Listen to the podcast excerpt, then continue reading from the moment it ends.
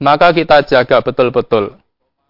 Inna solati wa nusuki wa mahyaya wa mamati lillahi rabbil alamin kita pegang teguh. Supaya kita enggak berbelok jalan. Istiqomah dalam menjaga niat. Kadangkala dari awal niatnya lurus, di tengah perjalanan berbelok. Ini tidak sedikit yang begini ini. Dari awal lurus, tapi dalam perjalanan berbelok jalan. Karena ya godaan tadi. Dan godaan yang sangat dominan dalam kehidupan ini, di ya masalah dunia.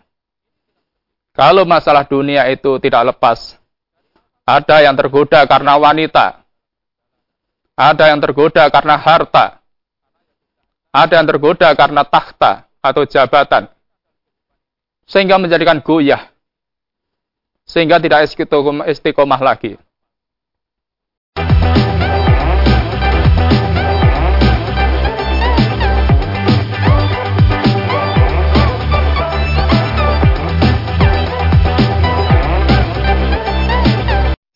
Bismillahirrahmanirrahim. Assalamualaikum warahmatullahi wabarakatuh. Saudara pemirsa channel terpilih MTA TV di mana pun Anda berada. Puji syukur Alhamdulillah senantiasa kita panjatkan kehadiran ilahi Rabbi Allah subhanahu wa ta'ala atas kenap karunia nikmat dan juga rahmatnya untuk kita semua di perjumpaan awal aktivitas pagi hari ini. Kita jumpa kembali di program unggulan Fajar Hidayah dan Alhamdulillah sudah hadir Ustaz Sunarno yang nanti akan melanjutkan pelajaran sekaligus memberikan pencerahan untuk kita semua di kesempatan kali ini. Assalamualaikum warahmatullahi wabarakatuh Ustaz. Waalaikumsalam warahmatullahi wabarakatuh. Kabar baik dan sehat pagi ini? Alhamdulillah sehat baik. Alhamdulillah baik. Dan pemirsa kembali tetap kami ingatkan untuk senantiasa kita laksanakan bersama protokol kesehatan, pakai masker, jaga jarak, dan cuci tangan menggunakan sabun. Anda nanti bisa bergabung bersama kami di line telepon yang sudah kami siapkan di 0271 679 3000. SMS dan juga di WA kami di 08 11 255 3000. Siapkan diri Anda, kita simak pelajaran kita pagi ini. Bismillahirrahmanirrahim. Assalamualaikum warahmatullahi wabarakatuh. Alhamdulillah wa syukrilillah la hawla wa la quwata illa billah. Asyhadu an la ilaha illallah wahdahu la syarika lah wa asyhadu anna Muhammadan abduhu wa rasuluh. Allahumma salli wa sallim ala Muhammadin wa ala alihi wa sahbihi ajmain amma ba'd. Saudaraku, pemirsa dan pendengar di mana pun berada, yang saya cintai, yang saya hormati, Syukur Alhamdulillahirrahmanirrahim. Allah senantiasa curahkan anugerah pada kita. Sehingga pagi ini kita diperkenankan mengawali aktivitas kita. Yang semoga diridhoi oleh Allah SWT. Saudaraku, pagi ini kita akan berbicara tentang jangan mudah kagum pada amalan seseorang. Karena orang yang masih hidup masih sangat mungkin bisa berubah. Baik itu berubah dari baik menjadi buruk, atau dari buruk menjadi baik. Nah yang kita bicarakan pagi ini, perubahan dari baik menjadi buruk. Maka kita diingatkan Firman Allah Subhanahu wa taala, "A'udzu billahi minasyaitonir rajim." Wa qul i'malu fa sayarallahu 'amalakum wa rasuluhu wal mu'minun. Wa saturadduna ila 'alimil ghaibi wasyahadah wa yunabbi'ukum bima kuntum ta'malun. Katakan Muhammad, bekerjalah kalian, beramalah kalian. Maka Allah, Rasul, dan orang-orang beriman akan melihat karyamu, melihat pekerjaanmu, dan kalian akan dikembalikan pada Allah, Zat yang mengetahui yang maha gaib, Zat yang mengetahui, yang gaib, dan yang nyata. Itulah Allah SWT. dan akan dikabarkan pada kita apa yang kita kerjakan. Saudaraku, Imam Bukhari mengatakan Siti Aisyah pernah berkata bahwa apabila kamu merasa kagum dengan kebaikan amal seseorang, di sini mesti orang Muslim, ucapkanlah firman Allah, bekerjalah kalian, maka Allah, Rasulnya dan orang-orang beriman akan melihat pekerjaan kalian. At-Taubah ayat 105. Saudaraku, maka di sini mendidik pada kita. Kita tidak boleh terlalu merasa percaya diri. Kita harus selalu bersandar pada Allah. Karena kebaikan yang bisa kita lakukan tanpa pertolongan Allah, kita tidak bisa apa-apa. Maka dalam hadis riwayat Ahmad nomor 11768 kita diingatkan. An Anasin anna Rasulullah sallallahu alaihi wasallam qol La alaikum an ta'jabu bi ahadin. Janganlah dahulu kalian merasa kagum dengan amal seseorang. Jangan mudah gumunan kalau istilah Jawanya. Jangan mudah gumunan. Kenapa kita diingatkan begitu? Hatta tanduru bima yuhtamu lahu. Sehingga kalian melihat apa diamalkan pada penghujung usianya. Karena apa? Orang yang sejak muda beramal kebaikan-kebaikan, gigih dalam perjuangan. Namun ketika usia tua, berbuat maksiat. Berbuat maksiat. Bahkan sudah 60 tahun lebih ada yang berzina maka hancur sudah apa yang dilakukan sejak muda itu. Maka ini peringatan untuk kita. Supaya kita selalu waspada pada diri kita masing-masing. Pada diri kita masing-masing. Maka dilanjutkan oleh Rasulullah, fa'inal amila ya'malu zamana min umurihi bi amali soleh. Karena sesungguhnya ada seorang yang melakukan amalan sejak kecil, dewasa, tua, amalan-amalan soleh. Amalan soleh. Lau mata alaihi la al jannah. Seandainya dia mati saat itu, dia masuk surga. Masuk surga. Thumma yatahawalu wa ya'malu amalan sayyi'an. Namun keadaan berubah. Ia mengamalkan amalan-amalan yang buruk. Amalan yang buruk. Karena tidak istiqomah dalam menjaga keimanannya.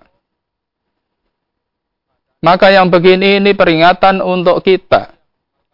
Maka kita jangan terlalu percaya diri dalam hal ini karena apa? godaan di sekeliling kita itu sangat luar biasa. Setan tidak menginginkan manusia itu selamat. Maka kita harus selalu menjaga hati kita. Maka kita masing-masing diingatkan dengan ini supaya waspada. Maka dilanjutkan dalam hadis tadi, Wa idza aradallahu bi'abdin khairan ista'malahu qabla mautihi. Apabila Allah mendaki orang itu untuk menjadi baik,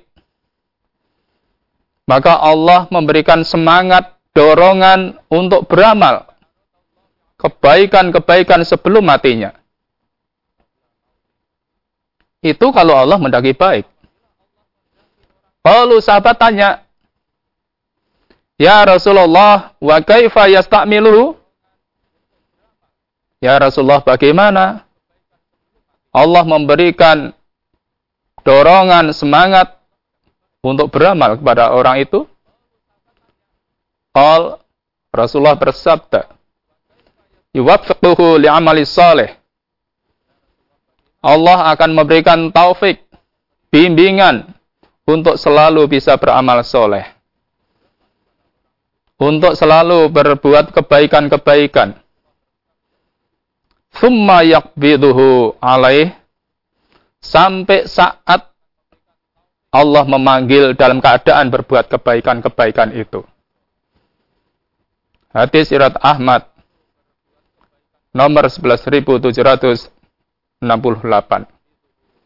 Saudaraku, ini peringatan untuk kita supaya kita hati-hati. Maka kita hanya mohon pada Allah taufik. Kita sering selalu mengucapkan billahi taufik walidayah. Kita mohon taufik pada Allah, bimbingan dari Allah. Karena dalam kehidupan ini sangat panjang godaan-godaan yang akan dihadapi oleh manusia. Maka mari kita kita menjaga istiqomah dalam kebaikan kita. Istiqomah dalam menjaga akidah kita. Bahwa kita itu hidup merasa diawasi oleh Allah, itu yang pertama. Hidup kita, kita harus merasa diawasi oleh Allah SWT. Maka kita jaga betul-betul. Inna solati wa nusuki wa mahyaya wa mamati lillahi rabbil alamin kita pegang teguh. Supaya kita enggak berbelok jalan. Istiqomah dalam menjaga niat. Kadangkala dari awal niatnya lurus, di tengah perjalanan berbelok. Ini tidak sedikit yang begini ini. Dari awal lurus, tapi dalam perjalanan berbelok jalan. Karena ya godaan tadi. Dan godaan yang sangat dominan dalam kehidupan ini di masalah dunia. Kalau masalah dunia itu tidak lepas, ada yang tergoda karena wanita, ada yang tergoda karena harta, ada yang tergoda karena takhta atau jabatan, sehingga menjadikan goyah, sehingga tidak istiqomah lagi. Kemudian kita istiqomah dalam menjaga ibadah kita. Mari terus kita tingkatkan ibadah kita pada Allah SWT. Baik yang wajib maupun yang sunnah. Karena bagaimanapun ibadah itu akan selalu mengisi hati kita. Sehingga kita menjadi tenang, tentram hidup kita. Kemudian kita istiqomah dalam beramal, walaupun mungkin dianggap sepele, dianggap kecil. Maka dalam hadis riwayat Bukhari nomor 5981 dikatakan di sana An Hisab Urwah an abihi an Aisyata annaha qalat Kana ahabbul amali ila Rasulillah sallallahu alaihi wasallam alladhi yadumu alaihi sahibuhu. Amalan yang dicintai oleh Rasulullah adalah amalan yang terus-menerus dilakukan oleh pelakunya. Maka perlunya di sini istiqomah. Terus-menerus kita jaga. Jangan sampai kita kendor. Jangan sampai kita lengah dalam menjaga apa yang sudah menjadi amalan kita. Kebaikan-kebaikan yang selama ini sudah kita lakukan, mari kita jaga. Jangan sampai berbelok. Karena bagaimanapun, kita tanpa pertolongan Allah, sangat sulit untuk mewujudkan apa yang kita cita-citakan dalam hidup ini. Maka Allah senantiasa membimbing pada hambanya. Dengan doa yang betul-betul kita harus kita resapi pada jiwa kita. Dalam doa itu Allah ajarkan pada kita, Rabbana la tuzigh qulubana. Ya Allah, janganlah engkau kencangkan hati saya. Kencangkan hati saya. Ba'da id hadaitana setelah engkau memberi petunjuk padaku ya Allah. Wahab lana miladunka rahmah dan berilah rahmat dari sisi engkau ya Allah. Innaka antal wahhab. Karena engkaulah pemberi karunia. Saudaraku, maka yang begini ini harus kita betul-betul kita resapi dalam kehidupan. Maka kita diingatkan. Kadangkala kebaikan seseorang, kebaikan kita, yang dari awalnya semangat, futur di tengah perjalanan. Yang awalnya lurus, berbelok di tengah perjalanan. Maka di sini peranan hati sangat penting. Kenapa Rasulullah selalu berdoa? Ya muqallibal qulub, tsabbit qalbi ala dinika. Ya Allah yang membolak-balikan hati, tetapkanlah hatiku tetap dalam konsisten dalam agamamu. Karena hati itu berbolak-balik. Kadangkala semangat dalam menjalankan kebaikan, tapi kadangkala lemah. Maka ini perlu kita jaga dalam kehidupan kita. Terus kita istiqomah menjalankan apa yang diajarkan dalam Al-Quran dan Sunnah demi untuk mencapai kehidupan sampai akhir hayat kita, kita dalam keadaan khusnul khatimah. Saudaraku, maka marilah betul-betul kita camkan pada jiwa kita masing-masing. Maka kita jangan bangga apa yang kita lakukan sekarang ini. Apakah ini akan bisa berlanjut sampai nanti akhir hayat kita?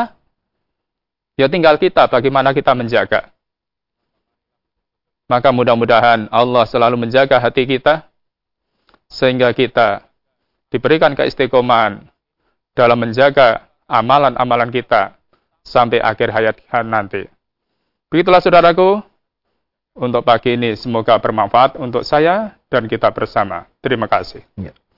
Baik pemirsa, kami harapkan Anda bisa bergabung bersama kami di line telepon 02716793000, SMS dan juga di WA kami di 08112553000. Namun sebelumnya kita akan simak beberapa informasi dalam rangkaian jeda pariwara berikut ini. Baik saudaraku pemirsa channel terpilih MTA TV di mana pun Anda berada, terima kasih Anda masih setia bersama kami, khususnya di program unggulan Fajar Hidayah di kesempatan pagi ini. Kami persilahkan kesempatan yang pertama di line telepon 02716793000. Halo, Assalamualaikum. Halo, Assalamualaikum. Waalaikumsalam warahmatullahi wabarakatuh. Yang siapa di mana Bapak? dengan Pak Hadi di Palembang. Ya, silakan Pak Hadi. Assalamualaikum warahmatullahi wabarakatuh, Pak Ustadz, Mas Tommy. Waalaikumsalam warahmatullahi wabarakatuh. Pak Hadi.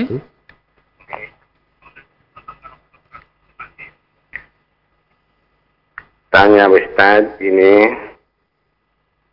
saya sering mendengar penjelasan bahwa yang membatasi antara Islam dan kafir itu sholat. Kalau sholat itu Islam, kalau nggak sholat itu kafir. Begitulah penjelasannya. Dan orang kafir itu tidak ada kewajiban untuk menjalankan rukun Islam dan lain sebagainya dan lain sebagainya. Tapi di tempat saya, Pak ada orang kaya. Setiap tahun itu bagi rezeki, bukan bagi zakat. Kalau zakat kan dibagi delapan asnaf. Tapi yang dikasih cuma orang orang miskin saja. Termasuk saya pun diberi. Dan ini eh, itu apa termasuk zakat, Pak Ustadz? Hanya dibagikan kepada fakir miskin saja. Mohon penjelasannya. Terima kasih. Wassalamualaikum warahmatullahi wabarakatuh. Waalaikumsalam warahmatullahi wabarakatuh. Ya. Jadi Bapak Ati ya. Jadi orang yang tidak sholat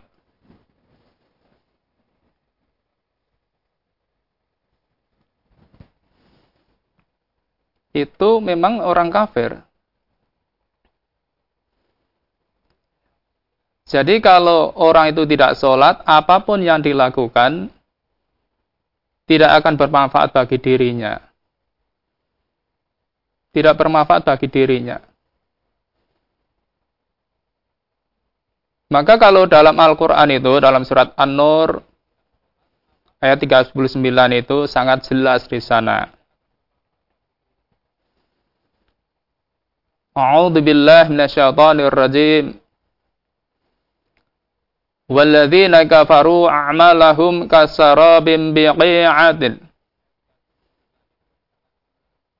Amalan-amalan orang kafir itu laksana fata morgana, ndok amun-amun. Apa pun yang dilakukan itu.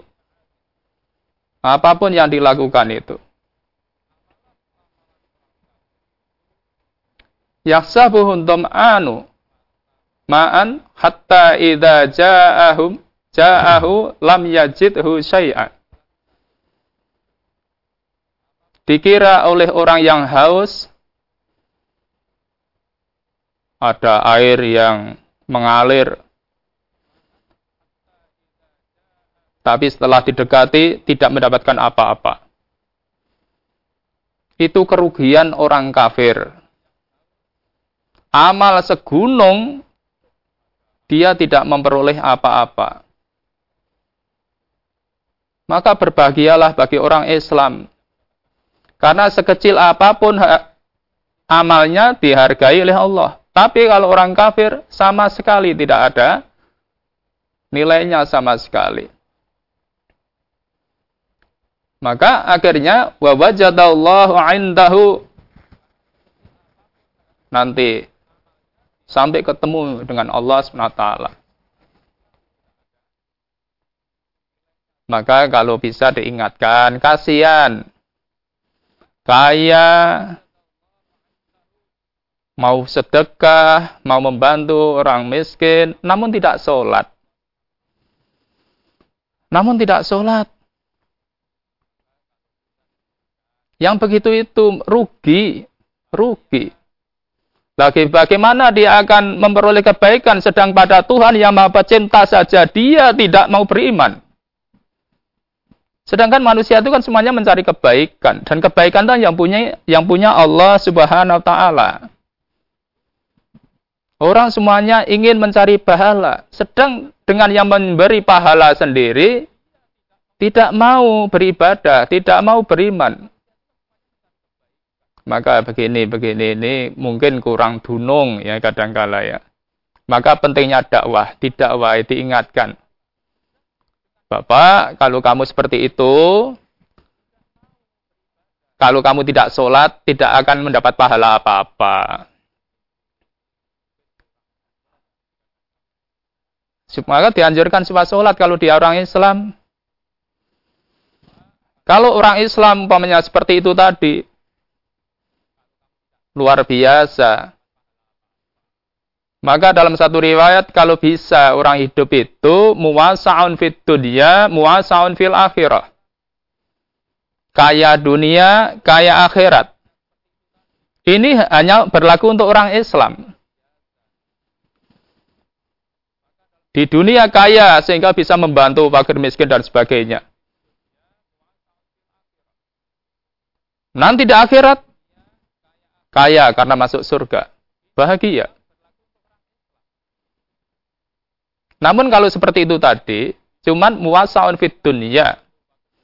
Kaya di dunia, makturun fil akhirah. Nanti di akhirat, melarat karena di neraka. Maka itu juga pelajaran untuk kita. Maka mari kita giatkan dakwah ini Kasihan kalau orang berbuat baik kok tidak sholat, tidak iman, tidak Islam. Itu kan kasihan sekali itu. Kasihan, betul-betul kasihan itu. Seperti Fata Morgana. Begitu berarti, semoga bisa dipahami. Ya, baik kita beralih di WA Ustaz. Pertanyaan berikutnya dari Ibu Tri di Wonogiri. Ustadz, saya setiap pagi sedekah subuh. Saya kumpulkan di rumah dan kalau kira-kira kotaknya sudah penuh, saya serahkan ke masjid. Pertanyaannya, apa boleh uang sedekah subuh saya itu saya berikan ke bibi saya yang tidak punya suami dan juga tidak punya anak? Beliau hidup sendiri dan sudah tua Ustadz, mohon pencerahannya. Iya, jadi ibu ya, ibu Sri ya. Ibu Tri. Ibu Tri di Wonogiri ya. Jadi jenengan setiap subuh mengumpulkan sedekah. Setelah ngumpul penuh, biasanya serahkan di masjid. Kemudian ini mau diserahkan pada bibinya yang sudah tua, tidak punya anak, dan seterusnya. Ya boleh saja, sodakoh itu kan bebas. Bebas. Jadi kalau ibu mau memberikan pada bibinya, ya boleh saja. Boleh saja. Tapi alangkah indahnya. Wong itu karena bibinya. Santunannya jangan hanya dari sedekah itu. Jenengan kagungan, jenengan berpunya. Wong bibinya itu kan seperti ibunya. Seperti ibunya. Jadi bibi itu seperti ibu. Maka mestinya disantuni ya. Jangan sampai beliau menderita karena tidak punya, apalagi tidak punya anak dan seterusnya. Itu langkah-langkah baiknya. Kalau cuma dari sedekah kan lah kapan ngumpulnya? Padahal kebutuhan makannya, kalau beliau sudah tua, tentu tidak bisa kerja. Tidak bisa kerja. Maka alangkah bagusnya kalau itu disantuni. Diagendakan. Yang rutin untuk beliaunya itu. Kasihan. Kasihan. Jadi, walaupun boleh Walaupun boleh tadi dengan sutaka tadi. Begitu Ibu Tri di Wonogiri, semoga bisa dipahami. Ya. Kami persilakan kembali di 6793000. Halo, Assalamualaikum. Halo, Assalamualaikum. Waalaikumsalam warahmatullahi wabarakatuh. Ya, dengan siapa di mana Waalaikumsalam warahmatullahi Ya, baik.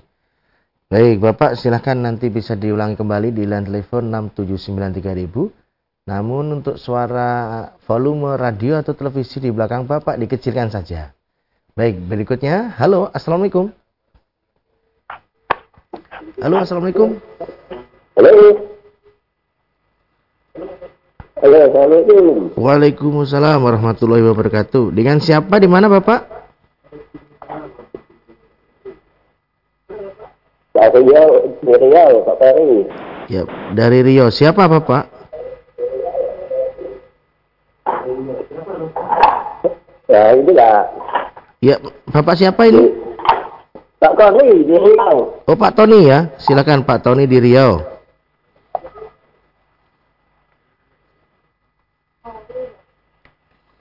Saya mau tanya, Pak, apa Ya. itu?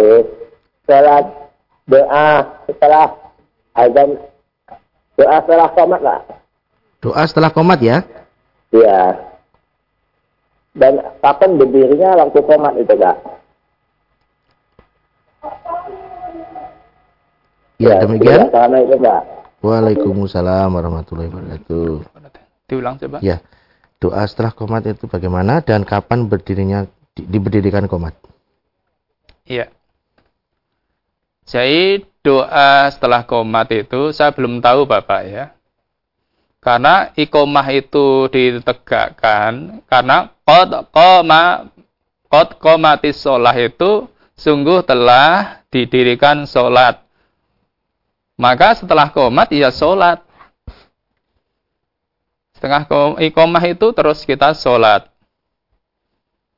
Kalau doanya saya belum tahu, belum tahu.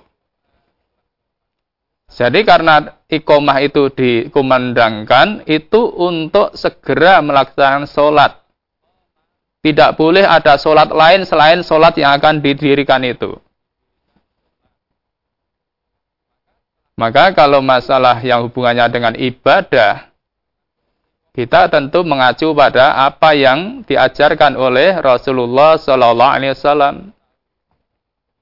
Jadi selama ini saya belum ngerti bagaimana doanya. Namun yang kita tahu setelah kita itu mendengar ikomah, segera laksanakan sholat berjamaah. Dan tidak boleh, sudah ikomah kok mau sholat sunnah itu nggak boleh. Nggak boleh. Karena yang ada setelah ikomah itu, sholat jamaah itu yang harus ditegakkan. Begitu Bapak. Terima kasih. Ya, baik. Pertanyaan berikutnya Ustaz dari WA juga dari Ibu Siti di Karanganyar. Terkait dengan larangan jual beli hewan Ustaz. Yang pertama, apakah ada larangannya jual beli hewan itu? Yang kedua, hewan apakah yang dilarang untuk diperjualbelikan Ustaz?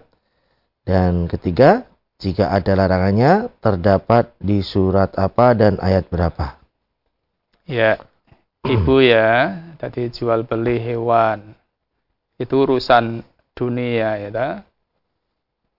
Karena bagaimanapun asalnya al aslu an asya al ibakah. Al ibakah. Segala sesuatu yang bukan dengan masalah dunia itu boleh. Boleh. Hatta yaqumat dalil sehingga ada dalil ala butlanihi wa tahrimihi yang membatalkan atau mengharamkan. Semuanya boleh. Lah masalah jual beli binatang ada yang tidak boleh. Itu hadis. Jual beli kucing. Itu dilarang. Ada larangannya. Jual beli anjing. Itu tidak boleh, dilarang itu satu rangkaian jual beli kucing, anjing, sama hasil dari pelacuran. Itu satu rangkaian itu. Itu hadis. kalau yang lain silahkan. Kalau kita punya binatang, ingin mungkin kerbau, mungkin sapi, atau kambing, atau ayam, mau dijual, silahkan. Karena yang ada larangannya itu, binatang yang tidak boleh dijual belikan itu kucing, anjing. Begitu Ibu, semoga bisa dipahami. Ya, baik. Kita persilahkan penelpon berikutnya di 6793000. Halo, Assalamualaikum. Halo, Assalamualaikum. Waalaikumsalam warahmatullahi wabarakatuh. Ya, dengan siapa? Di mana Bapak? Dengan Pak Yanto, Kalimantan Tengah. Ya, silakan Pak Yanto, Kalimantan Tengah. Assalamualaikum warahmatullahi wabarakatuh, Pak Ustaz. Waalaikumsalam warahmatullahi wabarakatuh, Bapak. Monggo, Bapak. Mohon diterangkan Ustaz di Quran surat Al-Maidah ayat 5 dan muntahan ayat 10 Ustaz. Dengan maraknya sekarang pernikahan berbeda agama. Mohon dijelaskan Ustaz. Atas tausiahnya, terima kasih. Assalamualaikum warahmatullahi wabarakatuh. Waalaikumsalam warahmatullahi wabarakatuh. Al-Maidah ayat 5. 5 ya.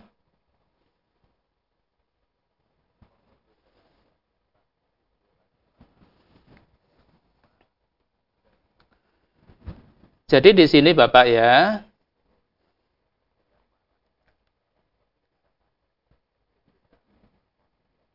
langsung saja ya. Saya jujuk pada intinya.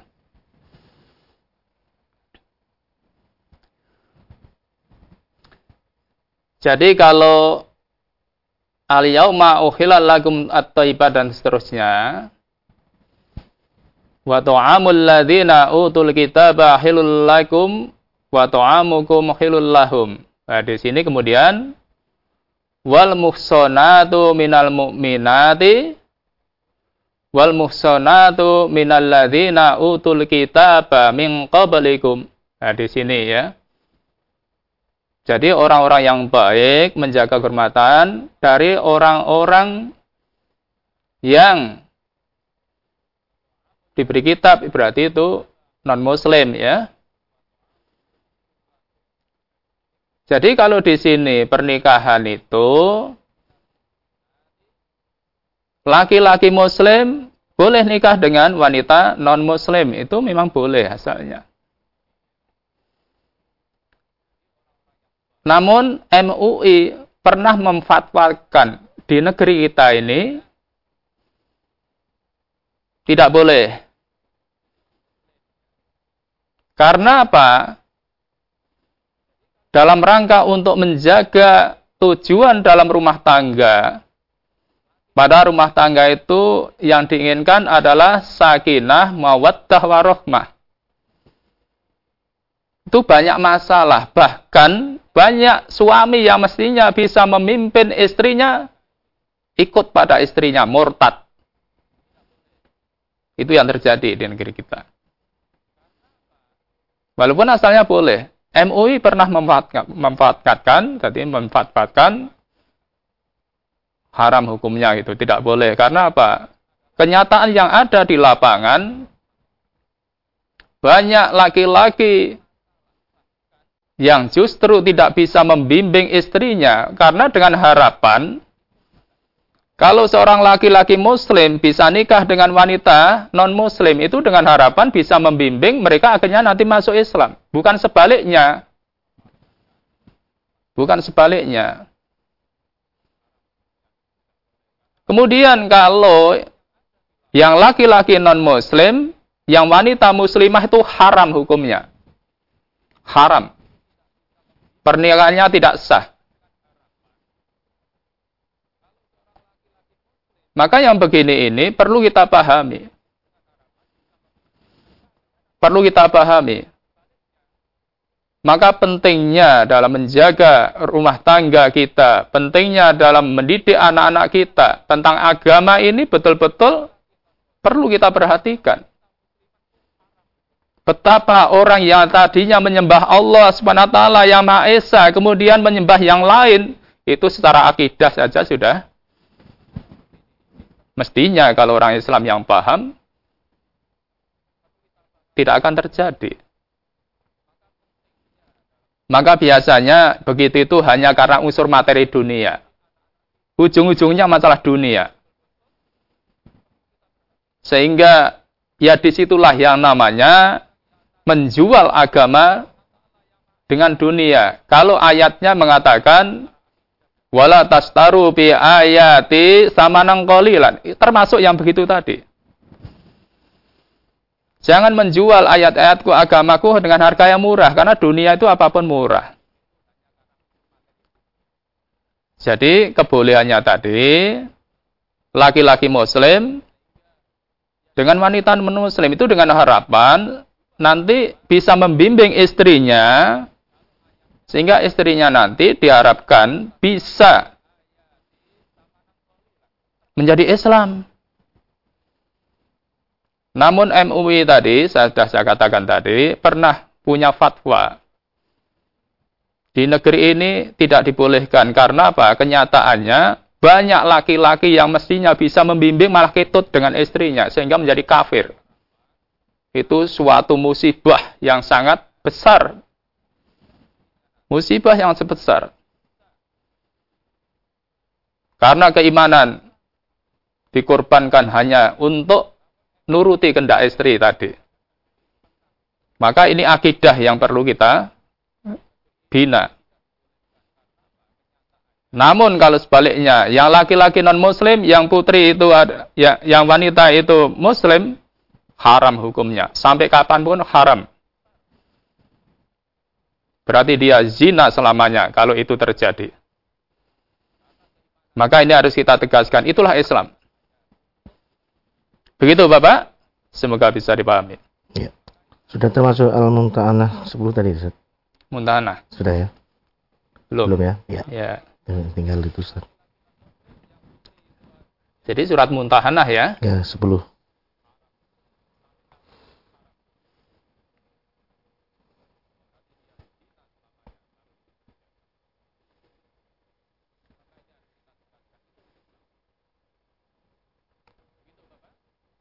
Jadi kalau dalam surat Muntahan ayat 10